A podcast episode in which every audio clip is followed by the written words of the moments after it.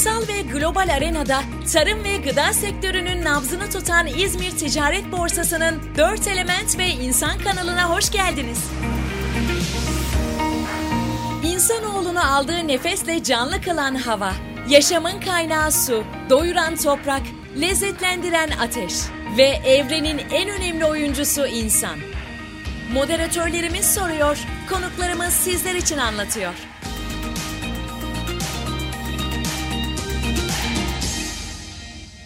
Merhabalar İzmir Ticaret Borsası'nın podcast dinleyicileri. Aşağı yukarı bir yıllık aradan sonra gene bu sefer kendi başıma karşınızdayım. İzmir Ticaret Borsası'nın davetiyle Tasting Alaçatı Festivali kapsamında hem bu yılın festivalinin ana konusu olan toprak ve toprağın önemi meselesine değinip hem de şu günlerde giderek daha önemli bir e, araştırma ve pratik alanı haline gelen gastrodiplomasi alanı hakkında birkaç söz söyleyeceğim. Sizi bu konularda bilgilendirmek ve bana ilginç gelen örnekleri de paylaşmaya çalışacağım. Bu kavram yenilerde gündeme gelmiş bir kavram. Üzerinde yavaş yavaş daha fazla yazılıp çiziliyor ya da daha fazla tartışmalara da konu ediliyor. Bir bakıma yemeğin, gıdanın insan ilişkilerinde olduğu kadar devletler arası ilişkilerde de ya da uluslararası sistem içinde de ülkeler açısından ne kadar önemli olduğunu vurgulayan bir yaklaşım gastrodiplomasinin konusundaki meseleler. Aslında yemek konusu üzerinde de daha fazla belki durmak lazım. Bugüne kadar ya da yakın zamana kadar yemek yapmanın kendisi ya da mutfak sanatı önemli sanatlardan biri olarak görülmüyordu. Hatta kaynakların birinde doktora tezini mutfakla siyaset bağlantısı üzerinde yapacak olan ya da mutfakla yaratıcı yaratıcılık üzerinde yapacak olan birisinin mutfak konusu doktora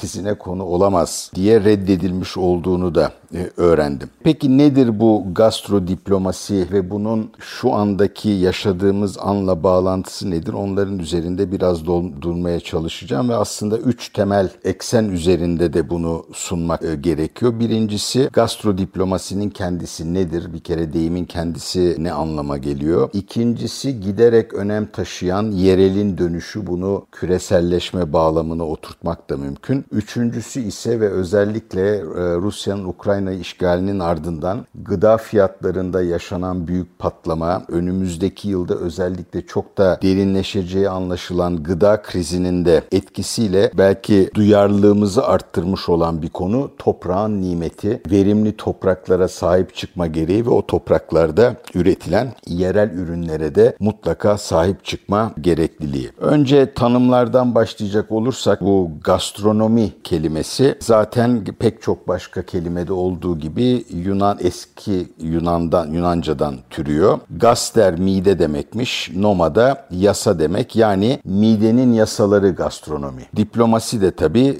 genelde devletler arası ilişkileri e, tanımlayan bir meslek veya da olgu ama tabii insan ilişkilerinde de diplomasinin çok rolü var. Küsleri barıştırmak, kavga edenleri sakinleştirip ayırmak ve barışmalarını sağlamak filan gibi. Gastro diplomasi de o zaman cinsler arasındaki ilişkilerde kullandığımız bir formülün devletler düzeyine çekilmesi gibi bir durum yaratıyor. Yani karşındakinin kalbine ve bu genelde literatürde kullanılan da bir tanım. Karşındakilerin kalbine ve aklına giden yol insanların midesinden geçer. Diplomasi ile sorunların ya da çatışmaların çözümünün bulunması için başvurduğumuz bir araç bu. Kendine göre gelenekleri, alışkanlıkları, kuralları ve benimsenmiş sinyalleri var diplomasinin. Bu tabi gastro diplomaside de işin gastro tarafında ağırlığını koyabiliyor. Geçmişte de gayet tabi ziyafetler yapılıyordu. Hatta bizim kendi geleneklerimiz içinde arada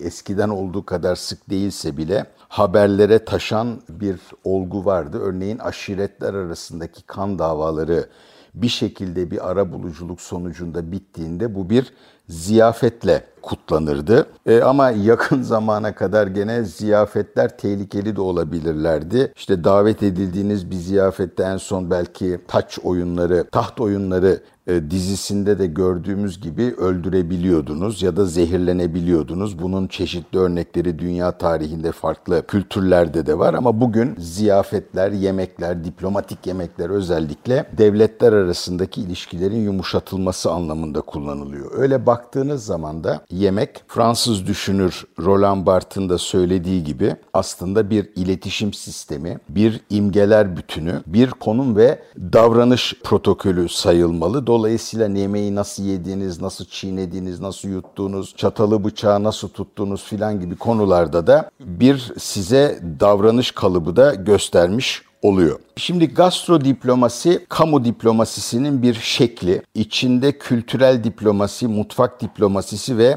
ülke markalarını içeren geniş bir tanımlamada değerlendiriliyor. Ama kısaca söylemek gerekirse gastro diplomasi ülkelerin kültürel miraslarını yemek üzerinden paylaşmalarını ifade ediyor e, bir ülkenin yemeğini tanıdığınız zaman onun kültürüne bir aşinalık yaratmış oluyorsunuz. O da sizin o ülkeye bakışınızı, o ülke hakkındaki değerlendirmenizi e, etkileyebiliyor. Bununla ilgili çarpıcı bir iki örneğe birazdan değineceğim. Uluslararası ilişkilerin dilinde söyleyecek olursak gastrodiplomasi ya da mutfak ürünleri diplomasisi bir ülkenin yumuşak güç unsurlarından birisi. işte sert güç, tank, tüfek filan oluyor. İşte hava kuvvetleriniz oluyor, bombardıman yeteneğiniz oluyor. Buna karşılık yumuşak güç uluslararası ilişkilerde bir ülkeyi cazip kılan unsurlar diye görülüyor ve Rusya Savaşı'nın ardından jeopolitik geri döndü çağrışları başlamadan önce özellikle bu Soğuk Savaş'ın bitmesinin ardından dünyada yumuşak gücün öneminin de çok arttığından bahsediliyordu. Bu bana sorarsanız her zaman abartılı bir durumda ama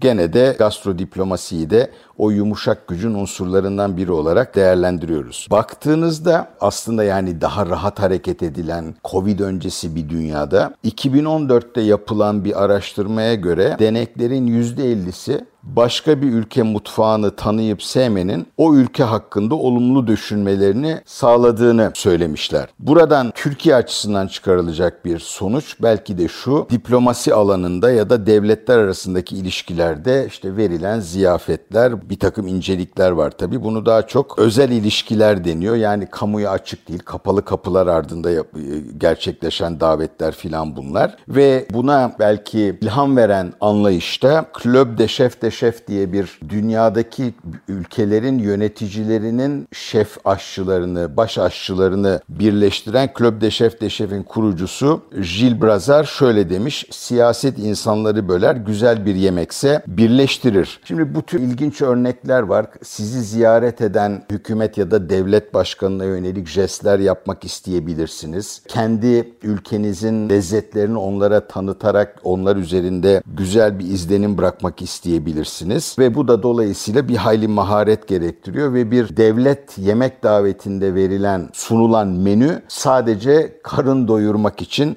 verilmiş bir liste olmaktan çıkıyor. Güzel örnekler var. Mesela Japonlar anladığım kadarıyla bunu bir itikat haline getirmişler. Davet ettikleri ülkelerin e, mutfaklarının ürünlerini çok güzel yapabiliyorlar. Örneğin mesela Japonya ile Çin aslında birbiriyle rekabet halindeki ülke. Japonlar Çin yemeklerini çok güzel e, yapabiliyorlarmış ve Çinli ziyaretçilerine Çin yemekleri sunuyorlarmış fakat Çinliler Japon yemeklerini beceremiyorlarmış. Benzer şekilde Fransız yemeklerini o kadar iyi yapıyormuş ki Japonlar bu Fransa ile Japonya arasındaki yakınlaşmanın unsurlarından birisi olmuş. Soğuk Savaş'ın bitmekte olduğu dönemde Amerikan Başkanı Reagan kendisini ziyaret eden Sovyetler Birliği Devlet Başkanı Gorbaçov şerefine verdiği yemekte iki ince jest yapmış. Birincisi yemekte başlangıçta herhalde Rus havyarı sunulmuş ve yemekte içilen şaraplar da Kaliforniya eyaletinin ki Reagan kendisi Kaliforniya eyaletindendir. Kuzey tarafındaki Rus Nehri bölgesindeki şarapçılardan ya da şarap şirketlerinden getirilmiş ve öylece sonulmuş. Bu gastrodiplomasinin ikinci boyutu kamusal alandaki gastrodiplomasi. Burada öncülüğü ilginç bir şekilde Asya ülkelerinden Tayland yapmış. 2002 yılında Tayland e, hükümeti dünyada bir mutfağını tanıtma kampanyası başlatmış. Sonuçlarına baktığınız zaman müthiş başarılı olmuş. 2002'de bu program başladığında dünyada 5500 Tay lokantası varken bugün 15 binden fazla Tay lokantası dünyada var. Sadece Avustralya'da 3000 lokanta varmış. Daha da önemlisi demin söylediklerimle bağlantılı olarak da Tayland'a giden turist sayısı bu kampanyanın başlamasından sonra ikiye katlanmış. Ee, Tayland'ın ardından Kore özellikle acılı lahana turşuları kimçi üzerinden bir şey başlatmış, e, kampanya başlatmış ve bir de füzyon olarak kendi mutfaklarını sunmuşlar. Örneğin Kore takosu diye bir şey icat etmişler. Böylece Meksika'ya bir çiçek uzatırken de iki ülkenin mutfaklarını birleştirmiş olmuşlar. Bunun ardından Tayvan, Meksika, Peru gibi ülkeler geliyor. Peru bizde de belki daha anlam verecek. Özellikle sanırım artık yüksek gelir düzeyine hitap eden kinoa diye biliyorsunuz bir buğday türü var. Kinoa Peru'da fakirlerin yediği bir şeyken Peru hükümetinin Peru mutfağını tanıtma kampanyası kapsamında dünyaca çok beğenildiğinden dünyanın artık her yerinde işte kinoalı yemekler, kinoalı salatalar filan yeniyor. Bunun tabii bir de karanlık tarafı var. Çünkü aslında fakirlerin gıdası olan kinoa fiyatları dünyada bu talep bu kadar artınca artmış. Dolayısıyla yoksullar artık kinoaya pek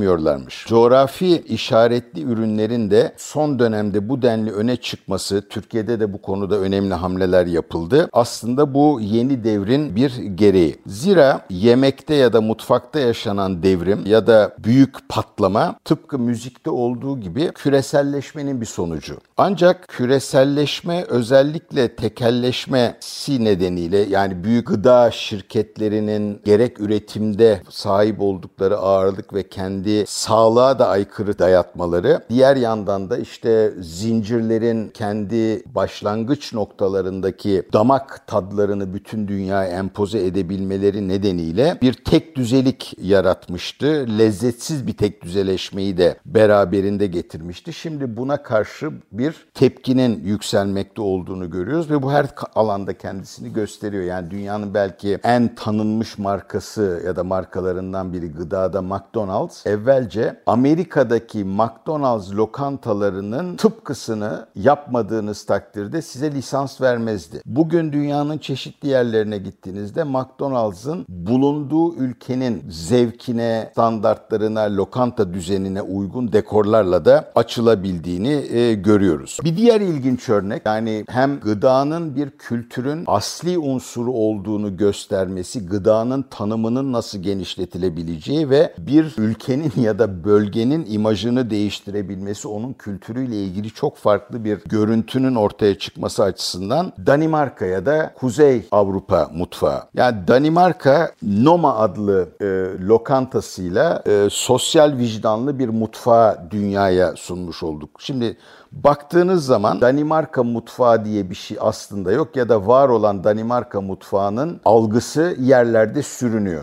Yani bir lezzet içermediği düşünülüyor. Böyle baktığınızda 2000 yılında o dönem sosyal demokrat yönetiminde olan Danimarka'da hükümet ülkenin gastronomik değerini yükseltmeye karar veriyor. Bunun kültürleri açısından ya da Danimarka imajı açısından önemli olduğuna karar veriyor ve Klaus Meyer adlı bir şefi göreve çağırıyor. Meyer'in çalışmaları Yeni Kuzey Mutfağı Manifestosu adı altında 2004'te yayınlanıyor. Gerçi sağcı hükümet iktidara gelince bu programı iptal ediyor ama bir e, yeni akım başlamış oluyor. Hakikaten baktığınızda Noma'nın çıkış noktası şu. Gıda diye tanımladığımız alanın kapsamını genişletmek ve bunu hem daha etik hem de daha erişilebilir kılmak. O yüzden zaten sosyal vicdanlı mutfak deyimi kullanılıyor kuzey ülkelerinin mutfağı açısından. Ve baktığınızda Noma'yı kuranlar ortaklıktan ayrıldıktan sonra bile ilginç işler yapıyorlar. Örneğin devlet okullarında kafeterya çalışanlarına biraz lezzet katmayı öğretiyorlar. Çocukları mutfak konusunda, lezzet konusunda eğitiyorlar. Birisi ortaklar, eski ortaklardan birisi Arnavutluk'ta köy yemekleri tarifelerini toplatıyor bunların korunabilmesi için. Bir diğeri Bolivya'da yerel Aymaron dilinde yemek anlamına gelen manka programını e, başlatıyor. Elde ettikleri karların önemli bir bölümünü gıdaya erişmesi zor olan kitlelere gıda yardımı yapmak için filan da kullanıyorlar. Böylece de yani gıda diplomasisinin içine aslında yeni de bir boyut eklemiş oluyorlar. Ve şu soruları soruyorlar. Gıdanın daha sürdürülebilir kılınması nasıl mümkün olabilir? Herkesin gıdaya ulaşmasını nasıl sağlarız? Yani dünyada açlık olmasın. Gıda kültürlerini küreselleşmeye karşı nasıl koruruz? Ya ki burada az önce de vurgulamaya çalıştığım gibi küreselleşme iki ucu keskin bir bıçak. Bir taraftan tek düzeliği getiriyor ve yereli baskı altında tutuyor. Öteki taraftan da yereli küreselin dünyalaşabilmesi için küreselleşebilmesi için de imkanları o sağlıyor. Bu sorular tabii yani nomacıların koymuş oldukları bu sorular ki onlar hakkında da acaba içe kapanmacı, küreselleş düşmanı, yerelci mi diye sorular da var. Öyle olduğunu düşünmüyorum. Bu sorular tabii bu yılki Tasting Alaçatı'nın önümüze getirmiş olduğu sorunsalla da birebir örtüşüyor. Yani toprağı nasıl koruyacağız? Ürünlerimizi nasıl koruyacağız ve bunları nasıl zenginleştireceğiz soruları aslında bu e, Noma'nın koymuş olduğu temel üç soruyla da çok yakından bağlantılı. Türkiye'ye gelince çok zengin bir mutfak kültürü olan bir imparatorluğun e, mirasçısı olduğu için de imparatorluğun yayılmış olduğu her yerin mutfağından etkilenmiş olması gereken Türk mutfağının da bugünün e, diyet standartlarına göre de belki yeniden tanımlanması, tasarlanması gerekir. Bu tasarlama meselesinin üzerinde özellikle de biraz durmak istiyorum. Çünkü e, mutfak artık bir sanat haline geldi mutfak işi. Son 20 yılda pıtırdak gibi dünyanın bütün televizyonlarında, bütün ülkelerinde televizyonlarda mutfak programları var, yemek programları var. Bu boşa değil. Evlerde mutfağın kapladığı alan ve mutfağa yapılan yatırımın miktarı çok ciddi şekilde artmış oldu. Dolayısıyla tıpkı bir mimarlık mesleği gibi aşçılığı, mutfak işini ve yemek tasarımlarını düşünmek gerekir. Türkiye'nin de konudaki zenginliğini daha iyi değerlendirip işte şiş kebap ve rakıya da mantıya filan da indirgememek gerekir. O bakımdan da bu e, Alaçatı, Urla gibi yerlerdeki işte Ege otlarının değerlendirilmesi, zeytinyağının ön plana çıkarılması gibi çalışmalar son derece önemli gibi geliyor bana ve bu şekilde dünya gastronomi haritasına da yerleşmek gerekiyor. Bu tabi gene iki ucu keskin e, bıçaklardan birisi çünkü ne kadar cazip hale getirirseniz o kadar turist çekiyorsunuz. Bu bir bakıma iyi oluyor ama öte yandan da kitle turizmi aslına bakarsanız e, birazcık da zarar veriyor. Bugün daha iyi anlaşıldığı gibi. Son olarak bugün gıda krizi, tahıl ürünlerindeki fiyat artışı savaşın da bir sonucu olarak tarımın bir kenara atılamayacağını, tarımın öneminin giderek artmakta olduğunu da dosta düşmana göstermiş oldu. Bu da tabii tarım alanlarının, topraklarının korunması, toprakların zengin, mineral zenginliklerinin korunması gibi meseleleri de gündemimizin aslında merkezine yerleştirdi. Açlık önümüzdeki yılda derinleşecek. E, çünkü tahıl krizi derinleşecek. Fiyatlar daha da artacak. Bugün Dünya Bankası'nın gıda örgütünün raporlarına göre yaklaşık 800 milyon kişi açlık sınırında yaşıyor. Bu sayının artması da bekleniyor. O nedenle de gıda işine, toprakların verimliliğinin korunmasına, tarım topraklarının şehirciliğe ya da başka şeylere feda edilmemesine dikkat etmemiz gerekiyor ve bu bağlamda da son olarak yerel ürünlere, otlara, üzümlere ürünlere, tahıl ürünlerine sahip çıkmak, çeşitlilik yaratmak ve coğrafi bölge tanımlamasını da şey vakit geçirmeden yaygınlaştırarak tamamlamak gerekiyor. O bakımdan mesela kırmızı buğdayın bu kapsama girmiş olması önemli. Bir de doğa bize aslında sürprizler de yapıyor. Bununla bitireyim çünkü çok hoşuma gitti. Dün ya da evvelsi gün Twitter'da gördüğüm bir e, mesajdı. Karadeniz'de Hristiyan ahali kalmadıktan sonra şarap üretimi duruyor. Anadolu'nun ve hatta Ege'nin pek çok yerinde olduğu gibi. Orada üretilen şarapların üzümü olan A üzümü de dolayısıyla ekilmiyor. Fakat bir şekilde kendini korumayı becerebilmiş ve bir grup arkadaş ya da bir hanım A üzümünü kullanarak küplerde organik sanırım şarap üretiyormuş. Dolayısıyla Türkiye'nin doğası, Türkiye'nin toprağı bize hala e, bu e, alanda bize rağmen neredeyse yardımcı olmaya devam ediyor. Bizim de onu değerlendirmemiz gerekiyor diye düşünüyorum.